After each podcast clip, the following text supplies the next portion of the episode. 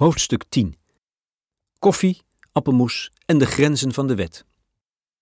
Over de stiekeme euthanasie. De arts met het korte grijze haar, de rugzak in regenboogtinten en twee raadslieden in kraaizwarte toga's lijkt het zelf nog altijd niet helemaal te begrijpen. Hoe ze hier terecht kwam. De eerste strafzaak wegens euthanasie. De beschuldiging van moord. Het is een snikhete augustusdag in 2019. Een zittingszaaltje zonder ramen op de tweede verdieping van de rechtbank in Den Haag.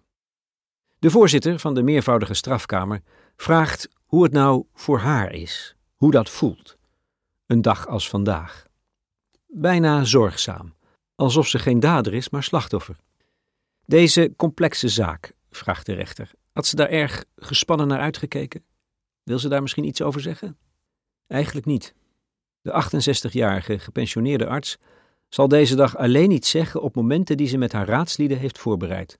En dan voorlezen wat er op papier staat. Ze wil hier niet zijn.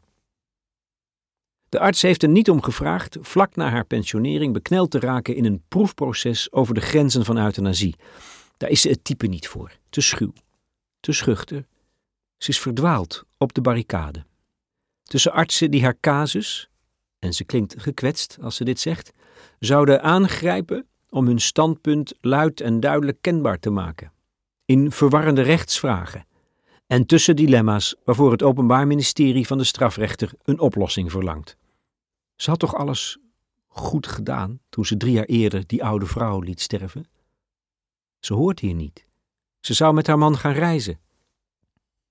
Het speelde zich allemaal af in het voorjaar van 2016, luttele weken voordat ze met pensioen zou gaan. In het Haagse verpleeghuis, waar de arts dan werkt als specialist ouderengeneeskunde, is mevrouw Geels opgenomen. Een kleine, kordate dame van 74. Vier jaar daarvoor werd bij haar Alzheimer vastgesteld. Ze had toen meteen een wilsverklaring opgesteld. Die was op een aandoenlijke manier onduidelijk, een beetje naïef en gesteld in even plechtige als kromme bewoordingen. Vertrouwende tegen de tijd dat de kwaliteit van mijn leven zodanig slecht is geworden dat ik op mijn verzoek euthanasie zal worden toegepast. Stond daar nou dat ze zelf nog om euthanasie wilde vragen? Of bedoelde ze met mijn verzoek dit verzoek, deze wilsverklaring? Het leek niet zo belangrijk, omdat mevrouw Geels over één ding glashelder was: ze wilde niet naar een tehuis. Mevrouw Geels woonde nog thuis toen de eerste scheurtjes verschenen in haar vastberadenheid. Ze wilde wel dood, maar nu nog niet. En als ze naar een verpleeghuis moest, had haar man gevraagd, ja, dan wel. Dan krijgt ze een spuitje, vulde haar huisarts aan, dan gaat ze slapen en wordt ze niet meer wakker. Dat was nou ook weer niet de bedoeling. Zo achterhaalde de dementie mevrouw Geels. Ze werd angstig en somber belde s'nachts allerlei mensen en hield ook haar man uit zijn slaap, totdat die het mantelzorgen niet langer kon opbrengen. En mevrouw Geels werd opgenomen. De verpleeghuisarts begreep na de intake dat mevrouw Geels doodongelukkig was en nooit in een tehuis terecht had willen komen, maar kon niet onmiddellijk toezeggen dat ze de oude vrouw zou helpen sterven. Ze wilde het even aanzien. S'nachts dwaalt mevrouw Geels die weken door de gangen op zoek naar haar man. Als ze hem niet vindt, is ze ervan overtuigd dat hij vreemd gaat. Ze bonkt op deuren, zoals ze overdag ook lastig kan zijn. Andere bewoners pikken haar bazige gedrag niet, waarna mevrouw Geels haar boosheid botviert op een verzorger. Ze bijt, schopt, slaat en krabt. Was ze maar dood, roept ze, soms wel twintig keer op een dag. De verpleeghuisarts observeert haar, hoe ze schrikt van haar eigen handen en een geheugen heeft van een minuut. Ook spreekt ze, mevrouw Geels, voor zover als dat gaat. Telkens zegt mevrouw Geels tegen de arts dat ze wel dood wil, maar nu nog niet. Om even later tegen de verzorgenden te brullen dat ze nu echt dood wil zijn. En op 21 april is er nog dat ene moment van terminale luciditeit. Een helder ogenblik op het laatst. Waarop de demente vrouw tegen haar dochter zegt dat ze weet dat ze ziek is en nu wel wil sterven. Het is iets spiritueels, zal de verpleeghuisarts tijdens de zitting zeggen. Geneeskunde is meer dan feiten. Op de ochtend van 22 april 2016 drinkt mevrouw Geels in een heel gezellige sfeer koffie met haar familie. In een duidelijk gemarkeerd kopje heeft de verpleeghuisarts 15 milligram dormicum gedaan. Over dat slaapmiddel zegt ze niets tegen haar patiënt. Als mevrouw Geels ruim een uur later nog altijd wakker is, geeft de arts haar een prikje met nog eens 10 milligram dormicum. De oude vrouw reageert met een vloek, godverdomme, en zakt dan weg. Maar als de arts de dodelijke thiopental injecteert, komt mevrouw Geels plotseling overeind. Ze opent haar ogen. Haar man pakt haar vast en legt haar terug op bed, waarna de arts de rest van de thiopental toedient en mevrouw Geels overlijdt. Tussen het overlijden van mevrouw Geels en de strafzaak tegen de Haagse arts op die augustusdag in 2019 liggen de jaren waarin de Nederlandse euthanasiepraktijk zijn aaibaarheid verliest en misschien ook wel zijn onschuld. Bij de laatste evaluatie van de wet in 2015 zei nog driekwart van de volwassen Nederlanders dat een diep demente mens euthanasie moet kunnen krijgen. Zou die steun zo massaal zijn gebleven na de huiskamerdood van Hanni Huppakee Goudriaan? Hoeveel voorstanders van zelfbeschikking zouden teleurgesteld zijn afgehaakt? Het wordt toch nooit wat na het advies van Paul Snabel over een voltooid levenwet? Niet nodig. En hoe onverteerbaar was het besef dat van een kabinet met CDA en ChristenUnie geen grote vernieuwingen te verwachten waren. Als euthanasie een merk was, kon het na deze tegenslagen nu even geen nieuwe controversies gebruiken. Het is begin 2017 als de oudere psychiater Boudewijn Chabot mede namens 33 andere artsen een open brief publiceert in de Volkskrant. Dat uitgerekend Chabot het initiatief neemt, is opmerkelijk. Begin jaren 90 vocht de psychiater tot bij de Hoge Raad voor verruiming van de euthanasiepraktijk. Sinds het Chabot-arrest kan ook geestelijk lijden een legitieme reden zijn voor euthanasie. De psychiater reageert met zijn stuk op een schrijnend verhaal in de Volkskrant over een Alzheimer-patiënt die euthanasie had gekregen toen hij in een verpleeghuis werd verzorgd.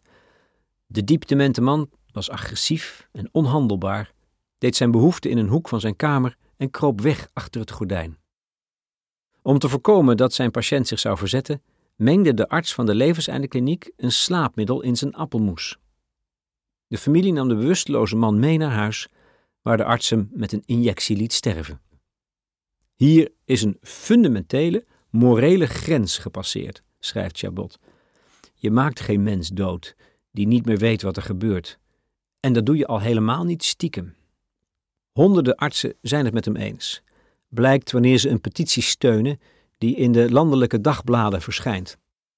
Een dodelijke injectie geven aan een patiënt met vergevorderde dementie op grond van een wilsverklaring? Aan iemand die niet kan bevestigen dat hij dood wil? Onze morele weerzin om het leven van een weerloos mens te beëindigen is te groot. Ook Bert Keizer spreekt begin 2017 zijn afschuw uit over stiekeme euthanasie.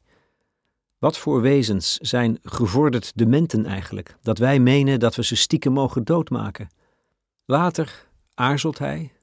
Iets in mij, schrijft hij in trouw, protesteert tegen het doden van een weerloos mens, maar het resultaat vind ik goed. Ik kom er niet goed uit. Chabots verontwaardiging is niet gericht tegen de arts die met de beste bedoelingen een mens uit zijn lijden verloste. Zijn chagrijn geldt de regionale toetsingscommissie euthanasie, die het handelen van de arts in de appelmoeszaak, nummer 2016-38, zorgvuldig noemde. De RTE loopt volgens Chabot mijlenver op de artsen vooruit, waardoor het grote publiek de indruk krijgt dat euthanasie op weerloze menselijke wezens normaal wordt. Als goede zorg schaars wordt, en dat is nu al het geval, is het niet ondenkbaar dat problemen in de zorg opgelost worden door het makkelijker praten over euthanasie bij hulpeloze patiënten, schrijft Chabot. Hij bedoelt, en ik formuleer het nu minder diplomatiek, als we meer demente ouderen moeten verzorgen dan we kunnen betalen, zit het er dik in dat we er dan maar een paar wat eerder zullen doodmaken. Kort daarna publiceert de RTE het oordeel over die bijna identieke zaak, nummer 2016-85, de koffie-euthanasie in het Haagse verpleeghuis. In deze casus vindt de toetsingscommissie dat de arts niet zorgvuldig handelde. Het verschil met de appelmoes-euthanasie? In die zaak wist de RTE niet van het slaapmiddel, omdat de arts dat niet had gemeld, bevestigt RTE-voorzitter Jacob Koonstam tegenover NRC Handelsblad. De Haagse arts had open kaart gespeeld, omdat ze hoopte dat er zo meer duidelijkheid voor artsen zou komen over wat er wel en niet mocht van de wet. Wat had ik dan moeten doen? leek ze te zeggen. Wat zich wreekt, is dat de Nederlandse euthanasiewet altijd een wet van open normen is geweest. Geen wet die wist waar de grenzen lagen, maar een wet die langzaam tot wasdom zou komen. De praktijk, de bij elkaar opgetelde oordelen van de medisch tuchtrechter, strafrechter en vooral de toetsingscommissie, moest uitwijzen wat we echt vonden. Maar er moet er wel wat te toetsen zijn. En euthanasie bij zware dementie komt nauwelijks voor. Daardoor ontstond een visieuze cirkel. Artsen waagden zich niet aan euthanasie bij dementie, zolang er nog zoveel onduidelijk was. Maar die duidelijkheid bleef uit, zolang er geen principiële zaken waren die tot jurisprudentie konden leiden. In het beste geval moeten we het doen met een waardevol, maar theoretisch debat over de grote vraagstukken rond leven en dood. En in het slechtste met een stuk in NRC Handelsblad waarin, andermaal, de psychiater Chabot zijn zorgen uitspreekt over een cultuuromslag rond de zelfgekozen dood. Vooral de rol die de Stichting Levenseindekliniek, SLK, volgens hem claimt bij demente en chronisch psychiatrische patiënten, baart Chabot in de zomer van 2017 zorgen. Die SLK-artsen nemen een loopje met de zorgvuldigheidseisen van de wet, terwijl die eisen wat hem betreft onverkort van toepassing zijn, ook bij diepe dementie. Deze artsen vinden kennelijk dat er in die situatie van een weloverwogen en vrijwillig verzoek geen sprake meer kan zijn, en dat het ook zinloos is te zoeken naar een redelijke andere oplossing. Een simpele wilsverklaring vinden ze al genoeg, fulmineert Chabot. Ik zie niet hoe we de geest weer in de fles krijgen, schrijft de psychiater. Het zou al heel wat zijn als we erkennen dat hij eruit is.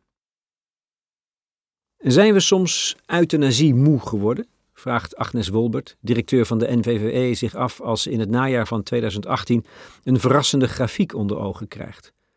Normaal gesproken verlenen artsen van jaar tot jaar vaker euthanasie en neemt het aantal verzoeken op termijn van mensen die bijvoorbeeld bang zijn ooit Alzheimer te krijgen nog sneller toe. Zolang we verder zouden vergrijzen, dachten we, zou dat zo blijven. Maar nu, voor het eerst in twaalf jaar, verlenen artsen minder vaak euthanasie. Over heel 2018 zal blijken uit de definitieve cijfers, deden ze dat 6126 keer. 7% minder vaak dan in 2017. Dat er iets scheef zit, merkt ook Constance de Vries, als de druk op artsen van de levenseindekliniek in de loop van 2018 afneemt. Ook daar stabiliseert het aantal verzoeken om stervenshulp. Sinds de oprichting in 2012 is de organisatie van ambulante artsen gegroeid als kool. Met zo'n 80 artsen is de levenseindekliniek goed voor 10% van alle uitgevoerde euthanasieverzoeken, waaronder steeds meer complexe hulpvragen. kwart van de psychiatrische patiënten, twee derde van de mensen met dementie. Constance de Vries heeft zich gespecialiseerd in die laatste groep. Ze was huisarts in Münstergeleen, een dorp in Limburg. Toen ze kort voor haar pensioen als scanarts advies moest geven over de allereerste euthanasie bij een wilsonbekwame patiënt met gevorderde dementie, bij de zaak van Wil van Gelder dus. Omdat ze ook daarvoor al veel ervaring had met de zelfgekozen dood, vroeg de NVVE Constance de Vries of ze voor de levenseindekliniek het protocol wilde schrijven over euthanasie bij dementie. Ze deed haar huisartsenpraktijk twee dagen in de week over aan een waarnemer en was van meet af aan bij de SLK betrokken. De gemiddelde SLK-arts doet nu bijna elke maand één euthanasie. Tien per jaar, zegt Constance de Vries. Ik kon me daar destijds niets bij voorstellen. En nu zijn het er soms twintig. Achteraf denkt NVVE-directeur Agnes Wolbert wel te weten waarom het aantal euthanasiegevallen daalde. Niet de vraag nam af, zegt ze, maar het aanbod. De harde taal van het OM maakt artsen kopschuw. Ze kijken de kat uit de boom. En als ik Constance de Vries vraag waar die harde taal vandaan kwam, noemt ze onmiddellijk de psychiater Chabot. Het was alsof het OM erop zat te wachten, zegt ze. Het OM is in dit geval één man. Procureur-generaal Rinus Otte. In 2016 was deze oud-rechter overgestapt naar het Openbaar Ministerie, waar hij als procureur-generaal lid werd van het college dat het vervolgingsbeleid bepaalt. Otte geldt als een rechtlijnige jurist, die naar eigen zeggen gevormd is door het zwaar gereformeerde Zeeuwse milieu waarin hij opgroeide. Een wetshandhaver die, zo laat hij merken in interviews, weinig fiducie heeft in de maakbare samenleving en een broertje dood aan het gepalaver over de grenzen van de euthanasiewet. Die Rinus Otte kondigt tijdens een hoorzitting in de Tweede Kamer aan dat het OM een grotere rol wil spelen in het euthanasiedebat. Dat klinkt als een bedekte waarschuwing. Het wordt tijd, vindt Otte, weer gewoon de wet te handhaven. Kort daarvoor heeft Otte besloten tot een strafrechtelijk vooronderzoek naar de koffie-euthanasie en de arts van het verpleeghuis in Den Haag. Het OM opent nog enkele zaken, maar die worden geseponeerd. In het voorjaar van 2019 maakt justitie bekend dat de arts van mevrouw Geels terecht moet staan.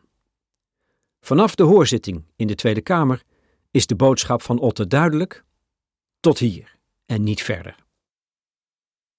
Op die warme dag in augustus 2019 stelt het OM dat de arts die mevrouw Geels liet sterven schuldig is aan moord, maar geen straf verdient. Ze is al genoeg gestraft doordat ze zich moest verantwoorden bij de toetsingscommissie, de regionale medisch tuchtrechter en, in hoger beroep, de centrale tuchtrechter. Nu komt daar de strafrechter bij. Het OM is ervan overtuigd dat de arts mevrouw Geels met de beste intenties hielp. De officier van justitie geneert zich zelfs als hij keer op keer het woord moord moet laten vallen. Zo heet het nu eenmaal als je het leven van een ander zonder diens toestemming beëindigt. Bovendien, zegt hij, is de wet op een cruciaal punt onduidelijk en daar is het hem om begonnen: jurisprudentie. Rechtszekerheid voor andere artsen, een norm die wel duidelijk is. Op het begin en het eind van de euthanasie op mevrouw Geels heeft het OM weinig aan te merken. De toetsingscommissie vond dat de arts nooit op de wilsverklaring had mogen terugvallen, omdat die niet ondubbelzinnig was. Het regionaal tuchtcollege voor de gezondheidszorg, dat de arts in 2018 een berisping gaf, was het daarmee eens. Maar wat moest die arts dan? Zij las die wilsverklaring anders. Ze zag mevrouw Geels lijden en begreep dat niet naar een tehuis de kern was en de rest bijzaak. Ze mocht zich dus wel op die wilsverklaring beroepen, vindt het OM nu, al vraagt het de strafrechter wel om meer duidelijkheid. Ook met de afloop kan het OM leven. Dat slaapmiddel in de koffie, waar psychiater Chabot en die honderden andere artsen zich zo boos om maakten, niks mis mee. Artsen maken onaangename ingrepen voor een patiënt altijd zo veilig en comfortabel mogelijk. Uiteindelijk draait volgens het OM alles in de strafzaak tegen de Haagse verpleeghuisarts om één venijnige vraag. Heeft de arts lang genoeg geprobeerd met mevrouw Geels te praten over haar wens te sterven? Of besloot de arts terecht dat de vrouw zo dement was dat een gesprek geen zin meer had? Volgens het OM nam de verpleeghuisarts te snel aan dat haar patiënt wilde sterven. De vrouw had dat gevraagd in haar wilsverklaring, maar sprak zichzelf soms tegen. Nee hoor, nu nog niet, toen ze eenmaal was opgenomen, om even later weer te schreeuwen dat ze toch echt dood wilde. Wat moest de arts doen? De vrouw zo gruwelijk laten lijden? Ze vroeg het aan twee scanartsen en een gespecialiseerde arts van de levenseindekliniek en besloot toen dat wat de vrouw zei haar wil niet weergaf. De vrouw had geen wil meer. De wil was stuk. De geraadpleegde andere artsen waren het met de verpleeghuisarts eens. Het OM vindt dat een wils onbekwame mens meer bescherming verdient tegen zijn vroegere ik. Zolang een patiënt nog aanspreekbaar is, zolang een diep demente mens nog tot iets van communicatie in staat is, moet een arts blijven zoeken naar een spoortje levenslust, naar een antwoord dat die diepdemente mens niet meer kan geven. Dat leidt tot een zich eindeloos herhalende opdracht. Want als die patiënt vandaag niet meer wil leven, wil ze dat misschien morgen nog wel. En kan een arts vandaag dus geen euthanasie verlenen. Wat betekent dat in de dagelijkse praktijk? Van het OM mag een arts een demente mens pas laten sterven als er helemaal geen vorm van communicatie meer mogelijk is en de patiënt eigenlijk comateus is. De vergelijking maakt het OM zelf. 9 van de 10 mensen met dementie halen dat stadium niet, omdat ze eerder aan iets anders overlijden. En die enkeling, die wel eindigt als die totaal verstilde, onaanspreekbare en al geheel verdwenen demente. Bij een patiënt in coma kan niemand nog vaststellen dat ze ondraaglijk lijdt en is euthanasie dus niet langer toegestaan. Enige troost? In die allerlaatste fase is het einde nabij. Twee weken na de zitting, de herfst lijkt al te zijn begonnen, ontslaat de Haagse rechtbank de verpleeghuisarts van rechtsvervolging. De arts heeft volgens het vonnis inderdaad alles goed gedaan toen ze het leven van mevrouw Geels beëindigde. Ze mocht ervan uitgaan dat haar patiënt wilde sterven en niet goed meer wist wat ze zei, toen ze dat na haar opname in het verpleeghuis nog ontkende. De uitspraak van de Haagse rechtbank is uiteraard belangrijk, al was het maar omdat het de eerste is en de eerste stap naar een hoger beroep, dat allicht ooit leidt tot een arrest van de Hoge Raad. Maar het is veel te vroeg om te doen alsof duizenden wilsonbekwame ouderen met dementie voortaan kunnen sterven zoals ze dat graag zouden willen. De rechter in Den Haag heeft slechts uitgesproken wat bijna iedereen wel wist. Een arts hoeft van de wet niet te wachten op een bevestiging. Ja, dokter, ik wil inderdaad nog altijd sterven van een patiënt die dat volstrekt niet meer snapt. Van de euthanasiewet mocht het al. Euthanasie bij diepe dementie. Maar vrijwel geen enkele arts wilde het doen. En dat zal niet veranderd zijn.